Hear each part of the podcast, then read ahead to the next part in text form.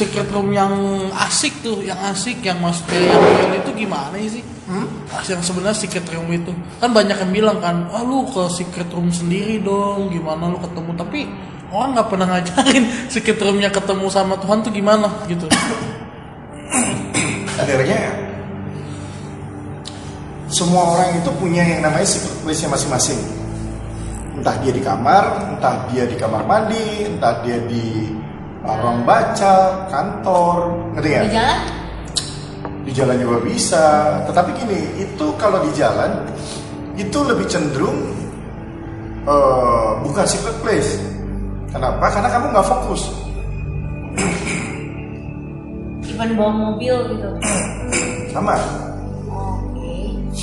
Nah, tetapi kadang-kadang ya bisa aja ke tempat parkiran, hmm. gitu kan? Itu bisa jadi your secret place gitu loh. Kadang-kadang kita bisa nangis kan di parkiran, yeah. gitu kan? Bukan berarti di jalan terus kita nangis, enggak. kita di jalan nangis itu bukan karena kita ngobrol sama Tuhan, banyak kan. Yeah tapi karena kamu ngerasa kebaikan Tuhan. Iya, benar. Ya, sih. Itu itu yang bikin kita bisa nangis di jalan. Tiba-tiba gitu. Iya, kita feel the goodness of God. Gitu. Itu itu yang bikin kita nangis kadang-kadang. Nah, kalau secret place itu benar-benar kayak di rumah cuma kita berdua sama Tuhan.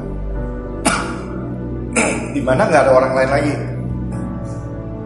Di situ kita bisa ngobrol, kita bisa baca kitab, kita bisa nyembah berjam-jam, gitu kan Nah itu itu itu itu, itu secret place sebenarnya. Tapi secret place ini kayak ada caranya gak sih tuh? Kayak ada caranya gak sih? Cara kayak ya cara caranya lah. Apa karena tiba-tiba lagi bengong bisa merasakan bisa juga sih kasih kalau dalam kamar sih ya. Nah, terkadang gini, setiap setiap gereja itu punya caranya masing-masing, gitu kan? Mamanya uh, eh, gereja karismatik untuk ketemu Tuhan aja kan mereka harus present worship dulu. Ya kan? Baru mereka bisa ketemu Tuhan. Tetapi kadang-kadang ada beberapa yang gereja yang nggak perlu seperti itu. ada orang yang mesti baca Alkitab dulu baru dia merasakan hadirat Tuhan. Baru bisa ketemu dengan Tuhan. Bisa baru bisa kesannya ngobrol sama Tuhan. Nah, nggak semua itu punya cara yang sama, punya gaya yang sama. Tidak ketika mereka mau ketemu Tuhan, mau ngobrol sama Tuhan.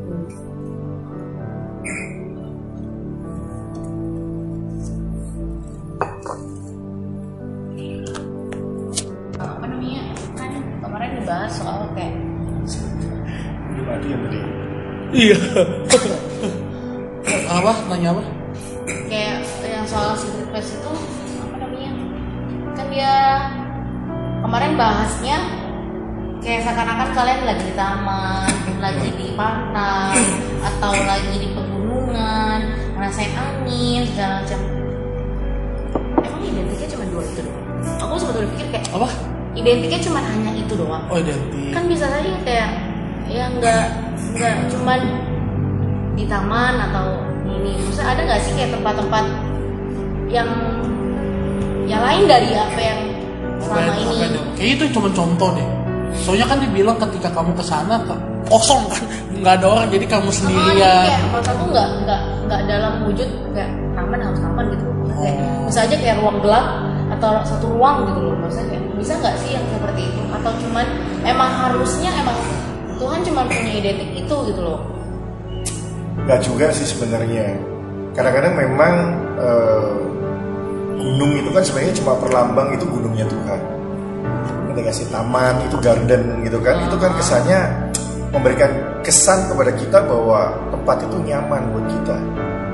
Ya sih? Kan kamu kalau jalan-jalan pasti nyarinya apa sih? Taman gunung iya bisa juga pantai. gitu kan. Tapi kan nggak mungkin kamu mau jalan-jalan perginya ke pasar iya pasar tradisional gitu kan? lapar dong. Nasi uduk pagi bawa kamu ke mana namanya ke restoran. Perginya rame-rame. Enggak lah gitu loh. Tuhan biasanya cari tempat yang apa ya yang nyaman buat kita yang di mana kita bisa ngerasain itu semuanya kita bisa rasain. Gitu loh. Dinginnya kesejukannya. Kenapa sih kita dibawa yang ke tempat-tempat yang biasanya rada-rada sejuk gitu kan karena memang bawaannya Tuhan kan memang juga seperti itu sejuk damai peace Kalau kamu dibawa ke pantai panas gitu kan, ini kesannya udah kayak neraka aja kan? Iya sih. Nggak sih gitu loh. Ya bener juga Makanya sih. dibawanya kan ke tempat yang adem, maknyus gitu kan. Kamu bisa begitu masuk, kamu udah feel-nya udah feel-nya udah comfort. Iya, iya, Ngerti iya. sih? Iya, Kalau kamu benar-benar. feel-nya panas, kan kamu pasti ngelap keringet mulu kan? Iya benar-benar fokus jadinya. iya, Gitu. cari kipas, cari kipas angin, ya nggak? Gitu loh, mau ngobrol sama Tuhan, nyarinya kipas angin. Iya.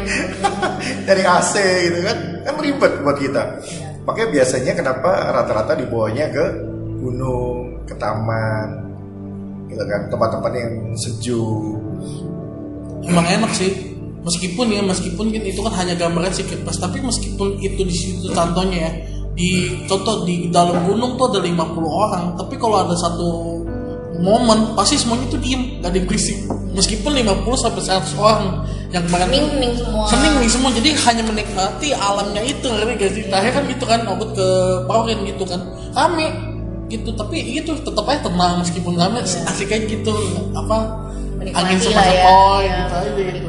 Nah, asik asik Jadi ada nggak sih kayak secret place itu yang hanya ruang kosong?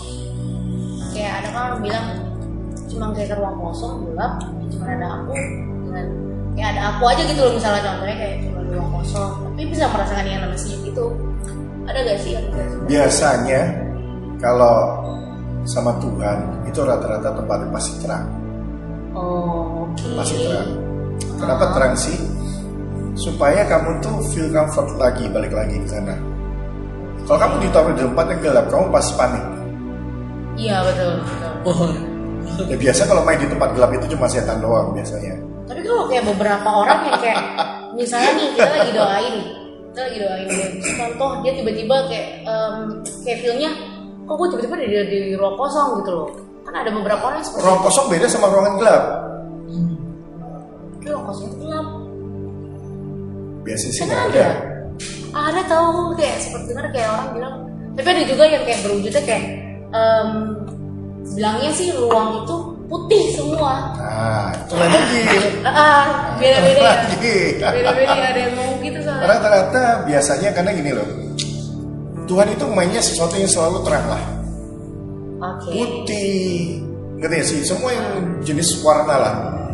Ya, hanya Haris eh, kalau aku bilang hampir langka sekali Tuhan bawa kita ke tempat yang gelap kenapa? Karena tempat gelap itu biasa tempatnya setan. Selalu pasti ada yang namanya penerangan. Kalau kita jalan sama Tuhan di tempat yang even kosong pun itu pasti ada lampunya atau warnanya putih atau warnanya keemasan karena ya kalau kita ngelihat kayak mamanya di tabut Allah aja eh, sorry di kemah Musa itu di tempat di mana tabut Allah berada itu cahaya juga nggak mungkin masuk. Tetapi. Tetap ada warna emas lah yang membuat ruangan Nah. itu terang Oh. oh iya Ya, event itu gelap ya, event itu. even tempat itu gelap Iya kan nggak ada matahari. ya kan nggak ada matahari dan matahari nggak bisa masuk karena lapisan di ruang kudus itu terlalu ketat Betul. jadi cuma hanya bisa terang daripada warna emas yang tabut itulah yang membuat tempat itu terang Oh, jadi jadi emas emasnya doang tanpa ada pantulan cahaya sedikit pun kasarnya oh iya Ma- Oh, oh jadi di, di, kalau dulu jadi, jadi gitu dong. Berarti mereka kasarnya ya, kan mereka mempersembahkan domba kan. Mereka berarti nggak ada lampu kasar gitu. oh enggak kamu mempersembahkan domba kan pasti di halaman Halaman. bukan di rumah Iya, kudus Oh salah ya, Oh, salah tuh aja. Nah, iya, iya, iya, iya. Tapi kalau misalkan mereka ke dalam itu, berarti bener-bener nggak kayak obor gitu ada dong harusnya nggak ada. Nggak ada. nggak ada. Oh, jadi bener-bener secret banget itu ya. iya benar makanya di situ dibilang itu secret banget gitu, itu ruang iya. kudus. Tempat di mana Tuhan bersemayam. Oh, wih, iya, gila ada cahaya, tapi nggak tersantum, nggak jatuh. Karena kan cuma ada satu benda di situ hanyalah tabut Allah. Tabut Tuhan di situ. Nah kita ngelihat bahwa kenapa nggak percaya karena dari warna emas itu udah berpendar Oh, jadi mas yang asli tuh meskipun gelap tuh Iya. bercahaya ya, Bro? iyalah Itu Yang silau kan kalau iyalah misalnya. coba aja kamu beli emas batangan satu taruh di tempat kamar Waduh. Hmm, banyak maling. Iya. Tangannya berpetakilan ya. Iya. Ya, Ya jangan kasih tahu siapa siapa kalau beli emas ya ya iya, apalagi lo taruh di dalam kamar sendiri, saat sendirian lagi emas gitu kan? gitu ya Mana nih mas gue? Tapi sengaja gitu ya emang bukan sengaja apa memang memang begitu sih kok Emang sengaja begitu, itu memang aturan yang memang Tuhan buat. Eh, oh itu aturan Tuhan bukan aturan si Enggak. bukan aturan dari bang. Israel sendiri Enggak. sendiri oh Dan ruangan yang ada obornya, obor kecil itu Iya. ibarat kata itu tujuh kaki dia. Tujuh kaki itu di ruang kudus. Itu terpisah dengan ruang kudus. Oh makan oh makanya gitu ya ketika kita maksudnya secret place kan kita selalu digambarkan kunci dan masuk di kamar kan ibarat kata kan kamar kan sepi gitu nggak ada ya Hmm. Memang penerangan cuma gitu doang Iya. ibarat kata digambarkan makanya seperti itu ya hal simpel yang tidak pernah disadarkan Makanya gini loh, kadang-kadang kan kita kalau lagi di kamar, kunci kamar, kita biasa lampu nggak usah matiin. Ketika kita lagi ngobrol sama Tuhan, ya lampunya nggak usah matiin. oh iya. Iya, ya nggak apa-apa juga mau mati juga Iya, udah apa-apa sih, matiin gitu loh. biasanya, Tapi kan? biasanya nggak perlu mati juga. ya santai aja sih mau cara metode Iya, apa pun mau metode kan apa pun juga boleh. sama aja masalah. Iya bukan karena ini sih kalau aku matiin karena kayak sejuk aja gitu kalau misalnya matiin. Nggak ngeliat apa-apa Karena kita berasa kalau lampu mati kan kita bisa lebih biasanya tuh berasa kayak lebih tenang. Iya benar lebih tenang. Ya kan lebih bisa konsentrasi betul betul. gitu kan. Betul betul betul. Gitu loh. nggak nggak nggak distract tuh gak Iya. tiba-tiba eh, ada pisang siapa tuh kan distract sendiri Bahkan ini ada cemilan ya. Iya, ada distract sendiri ya ya gitu makanya nah sekarang kita itu kan tadi kan cuma masalah soal tempat Dan ya kita ngomong soal tempat cara gitu kan? Itu ya itu masing-masing punya gaya masing-masing punya tempat masing-masing ya kan? Punya cirinya masing-masing. Nah sekarang ngapain sih kita di secret place? Iya benar. Ngapain minta di tujuannya apa ya iya betul. Nah sering kali yang jadi masalah adalah orang itu ke secret place mereka cuma ujian penyembahan. Rata-rata cuma liturgi doang yang diajarin sama gereja kasar gitu ya sama. Kita jangan ngomong gereja lah. Nanti kita menghakimi gereja jatuhnya Iya, iya, makanya. maaf ya maaf. Maaf Betul betul nggak? Iya iya iya iya. Nah karena gini rata-rata ya banyak sekali umat Tuhan itu diajar cuman sampai eh, ujian dan penyembahan bahasa roh doa selesai? Hmm. Hmm, betul. itu yang jadi masalah. Sehingga akhirnya secret place itu udah nggak ada gunanya. Secret place akhirnya bukan jadi secret place lagi di situ tetapi endingnya cuma satu. Cuma setor muka terus minta. And then say goodbye Gitu doang. Gitu Ya doang benar. Rata-rata- Rata-rata cuma gitu. Ya udah oke lah bagusnya yang ada yang lebih bagus ya cuma baca Alkitab. hmm. Tapi kan endingnya satu minta. cuma satu arah doang jadinya Bahkan permintaannya pun pakai list. Iya kan? Iya benar benar Sampai panjang ya. Iya, apalagi kalau udah patah hati, butuh uang, Iya. minta jodoh. Iya benar benar benar. Udah ini tiga ini yang paling penting biasanya listnya panjang. Iya betul betul betul. jodoh saya mau kayak gini-gini uang saya mau segini-segini Nah, secret room itu sebenarnya kan tempat di mana kita bertatap muka. Secret room itu adalah tempat di mana kita ngobrol sama Tuhan.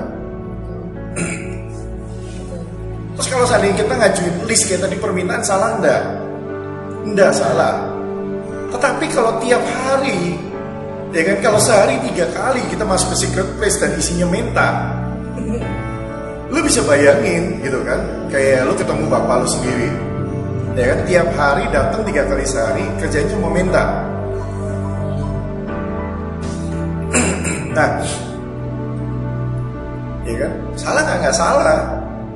Tapi lama-lama bapak lu juga stres juga ngeliat lu datang-datang ngeliat muka lu udah pasti mukanya muka minta gitu.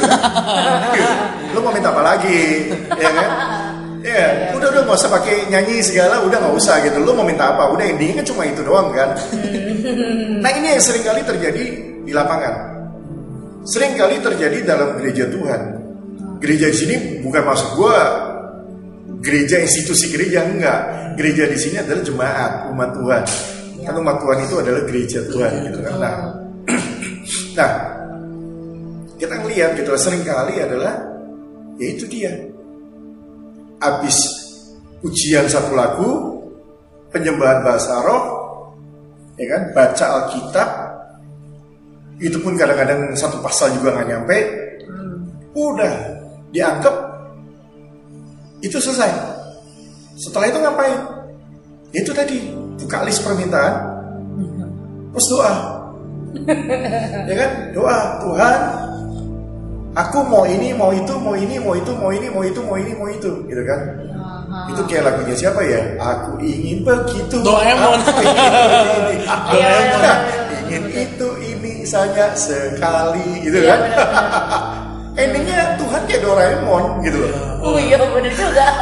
jangan juga. Waduh, iya bener. Iya kan? Padahal sebenarnya di secret place itu adalah tempat di mana kita ngobrol sama Tuhan. Nah yang jadi masalah satu, kebanyakan gereja Tuhan nggak ngerti cara ngobrol sama Tuhan. Oke lah Tuhan bisa ngomong lewat firman, gitu kan? Oke lah Tuhan bisa ngomong lewat orang lain, gitu kan? Tapi yang jadi masalah adalah, ya kan? Kita nggak boleh cuma sembarang buka firman. Kita anggap bahwa itu Tuhan ngobrol sama kita. Oke. Kenapa? Gitu kan? Nah nanti yang jadi masalah ketika kita salah buka ayat, kan repot nantinya. Misalnya, kita lagi doa, ya kan, minta sesuatu sama Tuhan, ya kan, kita anggap minta sesuatu lah. Terus kemudian kamu buka tuh Alkitab, dan kamu main cap cicuk Tuhan ngomong apa, gitu kan? Terus buka ayat, tiba-tiba dapet lah. Ada ayat tertulis dan itu jelas sekali. Maka Yudas Oh iya itu bahaya. Kan jadi masalah. Iya iya iya. Itu bahaya itu. Kalau nggak langsung akhir zaman kita bahaya. Aduh aduh. aduh. Maksudnya apa ini maksudnya? Nah endingnya apa? Endingnya terus kamu pasti bilang tolak dalam nama Yesus. Ya kan? Wah ini bukan suara Tuhan. ya udah pasti bukan suara Tuhan. Kayak gitu lah. Lu mencap cipcup kembang kuncup ya nggak? Iya. Buka ayat ya nggak? Abis itu langsung ya nggak? Udah gitu apa namanya? Buka ayat lagi yang lain, ya kan? Terus kemudian tulisannya apa, gitu kan? Tuhan menghancurkan Sodom dan Gomora, ya kan? Dengan lautan api berbelerang, ya kan? Hmm, mateng deh lo, gitu kan? Akhirnya apa? Akhirnya kita jadi stres sendiri begitu baca-baca begituan. Nah, maka dari itu sebenarnya apa namanya? Sebenarnya kita harus mulai ajar jemaat, kita harus mulai ajar gereja bahwa kita itu bisa dengar suara Tuhan. Even itu audible, ya kan? Atau tiba-tiba ada suara seperti intuisi atau suara dari hati nurani, gitu kan? Muncul, gitu kan? Terus kita berasa mendengar ada kata-kata tertentu atau kita melihat uh, tulisan-tulisan tertentu di dalam imajinasi kita. Oh. gitu kan. Tuhan bisa banyak berkata-kata dengan banyak metode gitu loh. Bukan cuma berarti kita harus baca ayat Alkitab dengan kita cuma hanya nyomot ayatnya aja ya kan? Tapi kita bisa dengan metode yang lain juga gitu maka dari itu kita mesti harus ajar jemaat mengalami yang namanya perjumpaan dengan Tuhan. Banyak yang bilang apa namanya eh, beberapa nggak usah ngomong gitu ya tapi banyak beberapa orang bilang kalau berdoa itu komunikasi kita dengan Tuhan. Oke, apa dengan kita berdoa jadi automatically Tuhan bakalan kayak em, apa ya kayak tadi kamu bilang masa dengan kita nggak perlu liturgi nggak perlu begini begini jadi tuh bisa bisa aja ngomong tapi kalau misalkan ada yang ngomong kan kalau misal berdoa itu akan komunikasi kita dengan Tuhan apa Tuhan um, caranya baku gitu loh Misal, harus berdoa dulu baru gue mau ngomong kalau nggak enggak gue Nah, itu yang jadi masalah ketika kita nggak diajar mengenai berdoa. Kita berpikir bahwa berdoa itu doa Bapa kami, betul betul betul Gitu kan. Salah nggak? Nggak salah. Ya kan? Doa itu diajarin, kemudian kita diajarin tentang doa, doa peperangan. Salah nggak? Nggak salah. Terus kita diajarin lagi tentang doa syafaat. Kita berdoa untuk keluarga. Salah nggak? Nggak salah. Gitu kan? Terus yang salah mana? Ya kan? Nggak ada yang salah dari semua itu. Tetapi yang jadi masalah adalah itu cuma one way communication, iya betul Oh. gitu kan? Kan kita ceritanya doa itu adalah bercakap-cakap dengan Tuhan. Hah. Kalau yang namanya berdoa adalah bercakap-cakap dengan Tuhan, artinya kita ngobrol sama Tuhan. oke Nah, kalau yang namanya ngobrol, artinya kita ngerti apa yang diomongin dan kita ngerti juga apa yang Tuhan ngomongin. Loh, betul dong? iya betul Ada komunikasi dua arah. Mhm. Nah kalau cuma doa syafaat, artinya kan cuma komunikasi satu arah.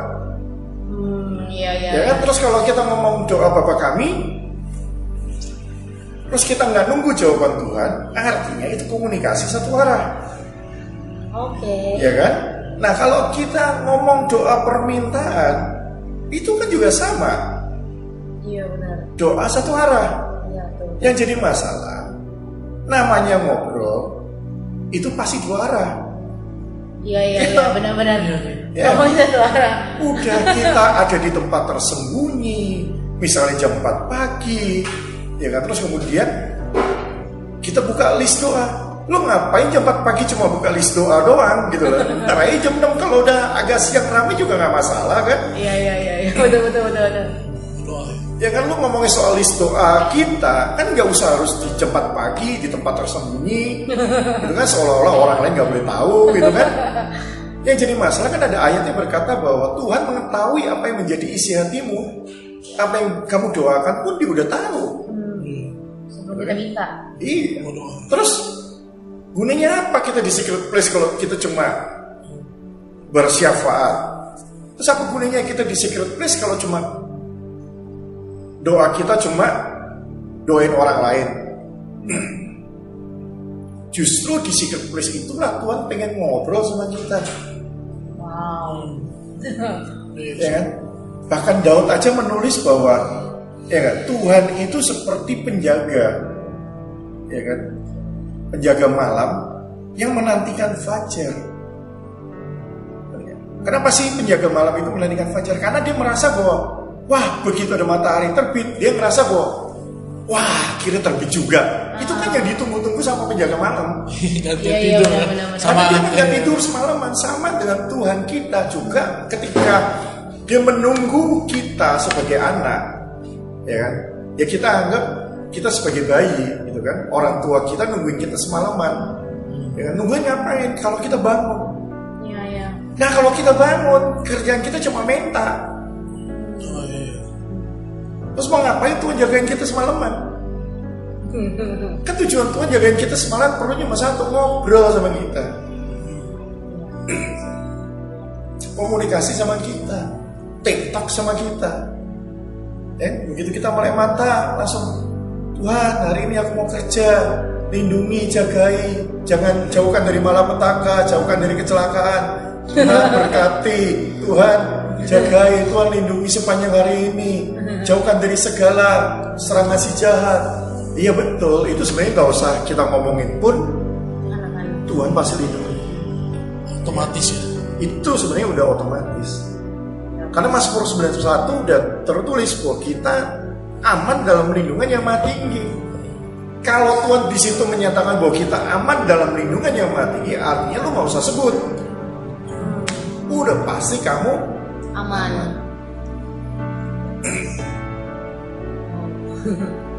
nggak perlu kita ingetin lagi. Tuhan bukan Tuhan yang pelupa. iya betul betul Ya, kita manusia pelupa. iya iya Tapi iya Tuhan bukan tipe Tuhan yang pelupa. Ya kan? Nah ngobrol, gitu kan? Ngobrol jangan pakai bahasa roh, karena lu nggak ngerti apa yang lu ngomongin. iya iya betul betul Nah kalau kita ngobrol sama Tuhan, ngobrol lah pakai bahasa Indonesia. Kalau taunya bahasa Indonesia, lu tau bahasa Mandarin, ngobrol lah sama Tuhan dengan pakai bahasa Mandarin. Lu tahu bahasa Jepang, lu ngobrol sama Tuhan dipakai bahasa Jepang atau bahasa-bahasa yang lain. Ya, oh apakah dengan bahasa lu Indonesia kemudian Tuhan nggak bisa jawab lu pakai bahasa Indonesia? Bisa. Ya kan? Nah kalau seandainya kita doa pakai bahasa Arab, emang lu ngerti apa yang lu ngomongin? Nggak ngerti. Sorry nih, gue ngerti bahasa Arab, gue juga bisa bahasa Arab, gitu kan? Iya. Tetapi bukan itu poinnya namanya ngobrol sama Tuhan. Ngobrol aja. Kayak laki bini, kayak anak sama bapak, gitu kan? Kayak kakak sama adik, itu ngobrol. Sama kayak lu lagi pacaran. Orang lagi pacaran pertama kali itu kalau ngobrol bisa berjam-jam, Iya, iya. gitu kan? Itu kayak teman gua, gitu kan? Kalau di telepon itu kalau ngobrol bisa sejam dua jam, curhat itu itu. kan? Itu bukan cuma curhat, ngomongin itu itu melulu, gitu kan? Aduh, aduh, aduh. Aduh, gua sampai kadang-kadang pusing dengerinnya Iya ya. sih banyak banyak banyak banget orang kayak gitu. Banyak banyak banyak. Yang diomongin itu itu aja, tapi bisa berjam-jam gitu kan. Udah gitu dia nggak bosen ngomongnya, eh kita yang bosen kan denger ya. Nah itu bedanya gitu kan. Tuhan itu nggak pernah bosen denger ngobrolan kita. Meskipun sama. Even itu sama, Justru malah nunggu ini ya. malah dia nungguin. Tapi namanya orang jat, baru jatuh cinta, Oh, gitu kan. Itu sejuta rasanya. iya, Ya, lama-lama. apa aja bisa diomongin. Iya. ya kan ngomongin yang enggak enggak yang aneh-aneh gitu kan Ah, kita pikir buat Tuhan mikir gitu kan gua kabar juga nih anak nih enggak gitu dia tetap menyendengkan telinganya ke kita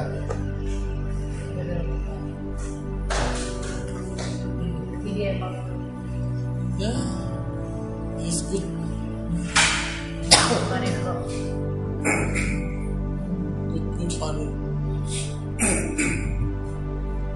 makanya ya firman ngomong apa he's a good good father kalau he's a good good father gitu kan he's always in the good mood gitu kan ini yang penting kita harus garis bawahi Iya. ya kan? Kenapa he always in the good mood? Nah yang jadi masalah adalah ya kan nggak mungkin kita lagi pagi-pagi kita lagi pengen ngobrol sama Tuhan, Tuhan lagi bilang sorry gue lagi nggak good mood. Wah. Aduh, aduh, aduh, aduh, Iya aduh. Wah rusak semuanya dah. Iya, Tuhan bisa bad mood ya. Aduh, aduh. Enggak, rusaknya ke kita, ke semua dunia. Ke seluruh dunia. ya. Kacau itu kacau. Oh iya, lu bayangin malaikat ngamuk aja, ya nggak Herodes digampar aja dimakan cacing langsung. Iya. Itu baru malaikat yang ngamuk ya. Begitu Tuhan murka ya, saudara dan Gomora habis. Iya benar. ya kan? Nah ini yang jadi masalah gitu kan. Kita pikir buat Tuhan itu mudi gitu. loh. Tipe yang Tuhan gitu. itu bukan tipe mudi. Buat apa kita ditebus? Iya. Buat apa Tuhan Yesus mati buat kita kalau dia jadi mudi? Apa masih tetap mudi? Anak KBG ya. Iya karena BG, benar-benar Iya. ngambek, benar-benar ngambek gitu kan. Iya. Aduh, aduh. Iya. Nah, lu bayang, bisa bayangin nggak ya kan kalau ada kita punya bapak mudi, itu anaknya udah pasti stres. Iya benar. Ya? Ketika anaknya lagi belajar jalan, ya nggak jatuh mulu. Itu bapaknya kalau mudi itu stres tuh anak tuh. Bisa-bisa dia nggak berani jalan lagi tuh. Iya benar diomelin Jatuh. dulu. Iya benar benar Ya begitu begitu jatuh dikit, lu bingung amat sih gitu aja jatuh. Emang lu udah berapa kali belajar jalan nggak bisa bisa mulu? Aduh, aduh, aduh, aduh. Ngeri. Gak ada kan namanya bapak kita yang di dunia aja. Ya nggak? Ketika lagi nungguin anak kita belajar jalan aja, dia nggak pernah yang namanya bosen. Dia nggak pernah yang namanya Nutuk lah. baik. ngutukin anaknya. He's always in the good mood. Even dia lagi bad mood pun dia tetap kasih yang namanya good mood ke anaknya yang lagi belajar jalan. Ya, dia nggak mungkin kasih mukanya yang cemberut ke anaknya yang lagi belajar jalan. Ya kan, apalagi dia kasih muka yang sangar yang dia lagi marah, lagi murka gitu kan ke depan anaknya lagi belajar jalan. Mau. Anaknya pasti langsung nangis mengerenguer itu gue yakin itu. Iya benar. Nah ini yang jadi masalah. Sering kali bahwa kita diajar mengenai ya kan bapak kita adalah bapak yang mudi. Ya kan? Tuhan kita Tuhan yang mudi. Itu yang jadi masalah. Sehingga sering kali jemaat itu rata-rata nggak berani ngadep bapak. Karena apa? Karena ini merasa berdosa, gitu kan? Betul. Dia semalam baru bikin masalah, dia semalam baru bikin apa namanya sesuatu yang nggak berkenan di hadapan Tuhan, gitu kan? Terus kemudian apa yang terjadi? Takut. Takut ketemu Tuhan, Betul. merasa nggak layak, Benar. merasa berdosa, ill feel, gitu kan? Iya, betul. Merasa gua, aduh, gua nggak nggak ini banget deh gitu, aduh, gua nggak berani. Iya, Gue benar-benar. takut nanti begitu ketemu Selamat pagi Tuhan. Langsung gue digampar gitu kan Aduh, serem takut. Iya kan? Sedep itu. Iya. Nah nanti takut yang namanya eh, Anak murka Tuhan. Nanti Tuhan marah. Nah ini jadi masalah sering kali. Sehingga banyak sekali jemaat Akhirnya apa yang terjadi? Jemaat nggak ngerti Suara Tuhan. Mereka akhirnya nggak kenal suara Bapaknya sendiri. Mereka nggak tahu seperti apa sih suara Tuhan. Iya, benar-benar. Ya kan? Mereka hanya tahu suara Tuhan lewat pendeta di mimbar.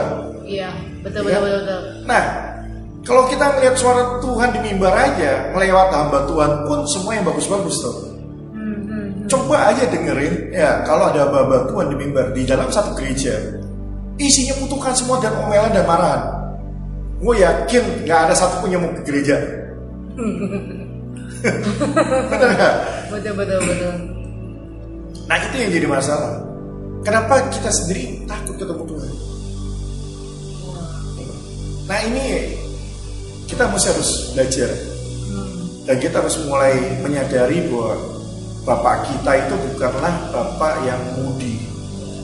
He's a good good father. Yes, he is. Ya. Yuk kita belajar sama-sama, ya? Bahwa secret place itu enak sekali, ya kan? Kita bisa ngobrol, kita bisa curcol sama Tuhan, ya? Kita bisa talk about everything. Kita bisa ngobrol apa aja sama Tuhan. Dan dia bakal dengerin apa yang lo omongin. Tapi ingat satu lagi, dengerin apa yang dia omongin. Iya. Jangan cuma curcol doang, terus sudah gitu say goodbye, amin gitu kan. Iya mereka begitu sih karena ya balik lagi kita nggak bisa mendengar suara Tuhan Iya. terus kayak ya keserasa keserasanya gue ngomong ya di kamar sendiri gitu loh kayak ngomong ya udah kayak orang gila gitu nganggapannya Iya. udah udah habis udah amin gitu makanya cepet-cepet selesai Mending lah kita di rumah ada bantal, tapi kalau di Ungaran sama batu. kalau caranya lo, iya kan Cuma di goa. Iya goa. Iya, di goa doang. Saya lebih parah lagi Iya, lo. siapa nih Benar. Iya, jadi gitu. nggak bisa cuman kita hanya curcol tapi dengar apa yang Tuhan mau ngomong Eh, kayak ibaratnya sama kayak temen lah gitu kita Betul. lagi curhat ya Tuhan kasih eh, temennya kasih saran Oh tapi iya kan Iya. Iya, betul Ya kan begitu kita curhat tentang sesuatu, ngomongin tentang keuangan. Emang Tuhan nggak jawab? Tuhan jawab. Cuma jadi masalah kita mau nggak buka telinga untuk dengerin jawaban Tuhan. Nah itu jadi masalah. Ya. mau atau tidak. Iya, karena kita begitu dengar sesuatu dari Tuhan, bisa jadi karena kita nggak tahu dan kita nggak kenal itu suara Tuhan, bisa jadi kita tolak tuh dalam nama Yesus. Ya. Ini suara-suara bukan dari Tuhan. Kenapa? Gitu kan? Karena ini nggak sesuai dengan firman Tuhan gitu, mamanya gitu kan? Wah ini gawat juga Iya, kita mesti cek dulu ayatnya ada di mana. Gitu kan? Sesuai nggak sama tulisan di Alkitab? Nggak kayak gitu amat lah. Kayak lu sama ngobrol sama bapak lu kan nggak nggak Alkitab ya amat gitu loh. Ngobrol ya ngobrol kayak bapak sama anak gitu loh. iya betul gak kaku-kaku amat lah ya Betul. Nah, makanya sore ini kita belajar kayak gitu supaya apa? Supaya kita ngerti. Ya kan? Nah, sekarang nih kita udah tahu nih ya kan bahwa doa itu ngobrol sama Tuhan. Dan Tuhan bisa ngobrol sama kita. Nah, suara Tuhan itu modelnya kayak apa sih? Bener gak sih? betul betul Nah, kita kan sering kali bahkan ya banyak terjadi di gereja, apalagi lagi kebaktian ada nabi datang. Nah, ya kan? Hmm. Makanya eh, apa namanya tentang mendengar suara Tuhan, ya kan? Banyak sekali orang trauma, ya kan, mendengar tentang mendengar suara Tuhan. Banyak sekali orang trauma akan suara Tuhan. Hmm. Kenapa sih kok mereka bisa trauma? Ya kan? Karena mereka pikir bahwa suara Tuhan itu selalu tentang penghukuman. Suara Tuhan selalu tentang penghakiman. Betul betul. Ya kan? Jarang sekali kalau kita lihat di perjanjian lama, ya, suara Tuhan melalui nabi-nabi Tuhan. Jarang sekali dia menguatkan. Hmm, hmm, hmm. Ya kan? Selalu tentang penghukuman, penghakiman, murka, Iya betul. Tuhan marah, ya kan? Benar, Selalu benar. seperti itu. Iya iya iya betul betul. Orang yang salah langsung disikat. Iya Nabi benar. datang langsung main ditunjuk, murka Tuhan turun. Betul ya? Betul. Banyak sekali contohnya, gitu kan? Umpamanya waktu Daud bikin salah, ya kan? Bukan salahnya tentang dia sama Betsheba, gitu kan? Tapi ketika dia salah dalam menghitung jumlah rakyat Israel pada waktu itu, Tuhan marah. Langsung Nabi Nathan datang, negor, dihukum langsung. Hmm. Yunus datang ke Niniwe, cuma perlunya ngapain? Menyampaikan murka Tuhan. Ya kan? Tuhan datang ke Abraham, ngomongin soal Sodom dan Gomora, tentang apa lagi? Murka Tuhan. Hmm, hmm, betul. Siapa lagi? Gitu kan? Waktu yang namanya Yusuf, ya kan? Firaun dapat mimpi, ya kan? Tujuh kelimpahan, tujuh kekeringan. Kita lihat lagi siapa lagi? Daniel. Ya kan? Dapat tentang apa? Akhir zaman. Tentang apa lagi? Murka Tuhan lagi. Nah, kita lihat maka dari itu rata-rata para nabi datang kerjanya ngapain? Sampai muka Tuhan. Sampai murka Tuhan. Ngeri juga. Makanya kalau kita ngelihat, ya kan? Kenapa banyak sekali anak-anak Tuhan, gereja Tuhan takut ketemu Tuhan? Karena takutnya apa, gitu kan? Takutnya adalah yaitu Tuhan ngomong soal murka Tuhan dalam hidupnya, Betul, betul. marahnya Tuhan dalam hidupnya. Hmm. Karena apa? Karena kita sering berbuat salah, Hmm. ya kan? Karena kan nggak ada yang namanya manusia nggak berbuat salah tiap hari. Pasti ada salahnya, pasti ada celahnya. Iya, betul. Ya nggak? Itu jadi masalah. Nah kalau kita bikin masalah, kita bikin salah, ya nggak? Otomatis image kita adalah satu, ya kan? Pasti Tuhan marah. Iya. Berarti Nah. ada hukuman. Nah, iya, takutnya apa? Tuhan ngomong soal penghukuman lagi. Iya betul. Mendingan gua nggak usah ketemu Tuhan, dan mendingan gua nggak usah dengar suara Tuhan. Ngeri soalnya. Ah, iya, serem bener itu. Iya sama benar. Mendingan apa? Kasih list permintaan, say goodbye. Iya. Iya. Kalau enggak, waduh, Tuhan mau ngomong apa nih kira-kira ya? Wah, gue salah di mana ya? Gue salah apa habis ini ya? Makanya kita selalu diajarin tentang apa? Minta ampun, Iya benar. ya kan? Betul. Selalu pokoknya kalau ketemu Tuhan, ingat, ya, minta ampun. Ya. Minta ampun tentang apa? Tentang kesalahan yang kita buat. Yang baik itu kita sengaja atau yang kita nggak sengaja. Artinya nggak sengaja artinya di bawah sadar kita kita melakukan kesalahan. Di bawah sadar kita kita melakukan yang namanya dosa, gitu kan? tanpa kita sadari maksudnya. Gitu. Itu udah kayak bukan bapak ya, udah kayak guru killer. Ngeri juga Betul. begitu. Itu karena apa? Image kita terhadap bapak kita di perjanjian lama itu killer abis. betul betul. ya kan? Nah, bahkan ada banyak sekali para nabi juga ngomongin soal itu kan. Bahkan ada juga tentang nabi-nabi yang peka sekali. Betul. Ya kan? Pekanya di mana? Karena dia bisa buka semua aib kita di masa lalu. Semua dosa kita di masa lalu. Ya. Pertanyaan siapa yang ini gitu kan? Berani emangnya gitu Gak kan? ada, gak ada yang berani. Semua ngejawab semua. Kalau teguran itu cuma empat mata, Iya. dia dan kita itu nggak masalah, Betul. Benar. gitu kan? Nggak masalahnya di mana? Nggak masalahnya cuma di awal doang, ya kan? Ya. Nanti begitu dia datang lagi, ya kan? Kira-kira lu masih mau datang lagi ngadep dia, minta didoain. Iya kan? Akhirnya apa? Akhirnya membuat kita trauma dengan suara Tuhan. Padahal, ya kan, kalau kita lihat lagi Paulus ngajarin apa sih tentang suara Tuhan, ya kan? Paulus selalu ngajarin selalu yang membangun, ya kan? Jadi kita selalu berpikir bahwa suara Tuhan itu pasti membangun hidup kita, ya kan? Bahasa gampangnya gini lah, A B C D, ya kan? A-nya adalah always, B-nya itu build up, C-nya itu cheer up, D-nya itu draw near to God. Ya kan? Always build up, membangun. Cheer up, itu artinya memberi semangat. Yang ketiga, membawa kita dekat sama Bapak kita. Ya. Kalau seandainya nubuatan atau suara Tuhan nggak membuat kita mendekat sama Dia, berarti ada masalah dengan suara Tuhan.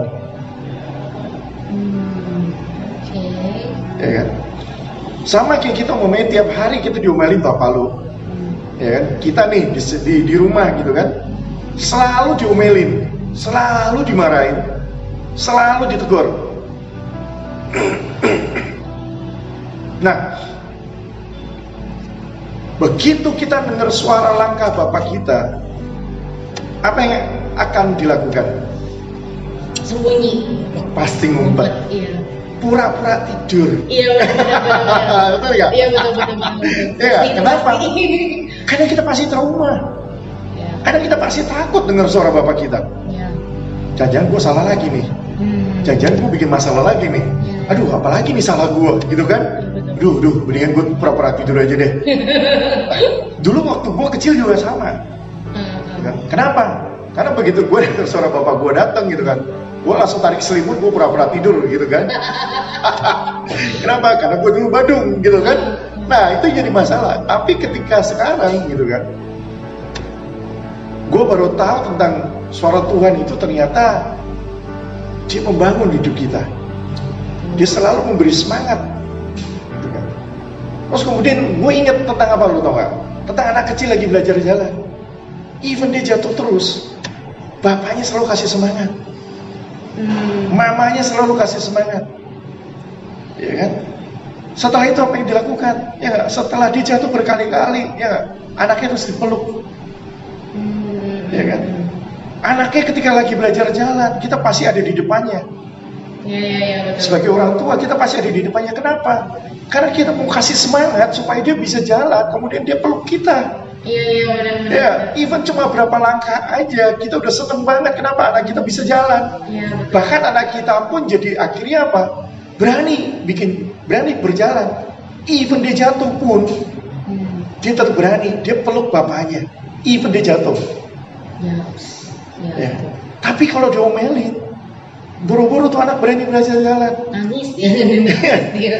Waktu dipaksa jalan ngapain? Dia pasti duduk nangis. Iya benar. Kenapa? Karena lihat muka lu, ya nggak? Atau melihat muka bapaknya, Iya. serem. Iya. Kalau dia jatuh, diomelin. Kalau dia jatuh, dimarahin. Kalau dia jatuh, bapaknya murka. Iya benar. Ngeri itu. Itu anak pasti nggak akan pernah bisa jalan selamanya. Betul betul. Ya, mending gue duduk daripada gue jalan, jatuh, Diomelin. gue diomelin. Maka dari itu, gitu kan, pasti ada yang salah, ya kan? Kalau kita mengajarkan bahwa Tuhan itu penuh dengan angkara murka, Tuhan itu penuh dengan kemarahan, Tuhan itu penuh dengan yang namanya pembalasan, Hmm. gitu kan? Ya, Nah, itu jadi masalah. Akhirnya membuat kita jauh dari Tuhan. Makanya nggak heran kan selalu kalau kita dengar nih ya, kita ngomongin ya, kita tadi kan kita ngomong secret place, Iya. gitu kan. Itu kan namanya tempat di mana kita berduaan sama Tuhan. Iya betul. Tapi yang jadi masalah nih ya, yang jadi masalah, kita sering kali dengar di gereja kita apa atau enggak? Eh, kok gue titip doa ya? Ketika kita lagi pergi umpamanya ke menara doa, kita lagi pergi ke Israel, kita Iya, lagi pergi doa syafaat, selalu kita pasti dengar, Iya. eh, gue titip doa ya. Iya benar benar benar. Yang jadi masalah adalah lu ngapain titip doa? Iya. Padahal bisa doa sendiri ya. Nah iya, itu kan yang jadi masalah. Iya, betul, Artinya apa? Artinya lu nggak nggak berani ngadep bapak lu sendiri. Iya benar ya. Satu, yang kedua, lu nggak, lu pasti berpikir bahwa jawaban lu eh, apa namanya, lu pasti doa nggak dijawab Tuhan. Oh iya iya. Yang Kan? itu lebih dijawab. Ya, yang lu pikir bahwa kalau lu nitip sama dia, doanya pasti dijawab. Dijawab. Iya benar benar benar. Pasti suara dia lebih didengar. Betul, betul, Karena betul. dia mungkin karena lu pikir bahwa dia itu hamba Tuhan. Oh iya. Karena lu iya. pikir dia, wah hidupnya kudus banget, gitu kan? Mungkin dia pelayanannya gila-gilaan buat Tuhan, sedangkan lu cuma jemaat biasa, Betul. ya kan? Kadang-kadang seminggu pun nggak ke gereja, gitu kan? Betul betul. Lu pikir bahwa ketika lu menganggap bahwa kita hidupnya seperti itu, terus Tuhan nggak jawab doa kita. Iya. Padahal di mata Tuhan semua itu sama. Hmm. ya kan? Sama kayak orang tua punya tiga anak. Masa anak yang terakhir gara-gara nakal, bapaknya nggak mau jawab omongan dia. Masa gara-gara anak yang terakhir, ya kan?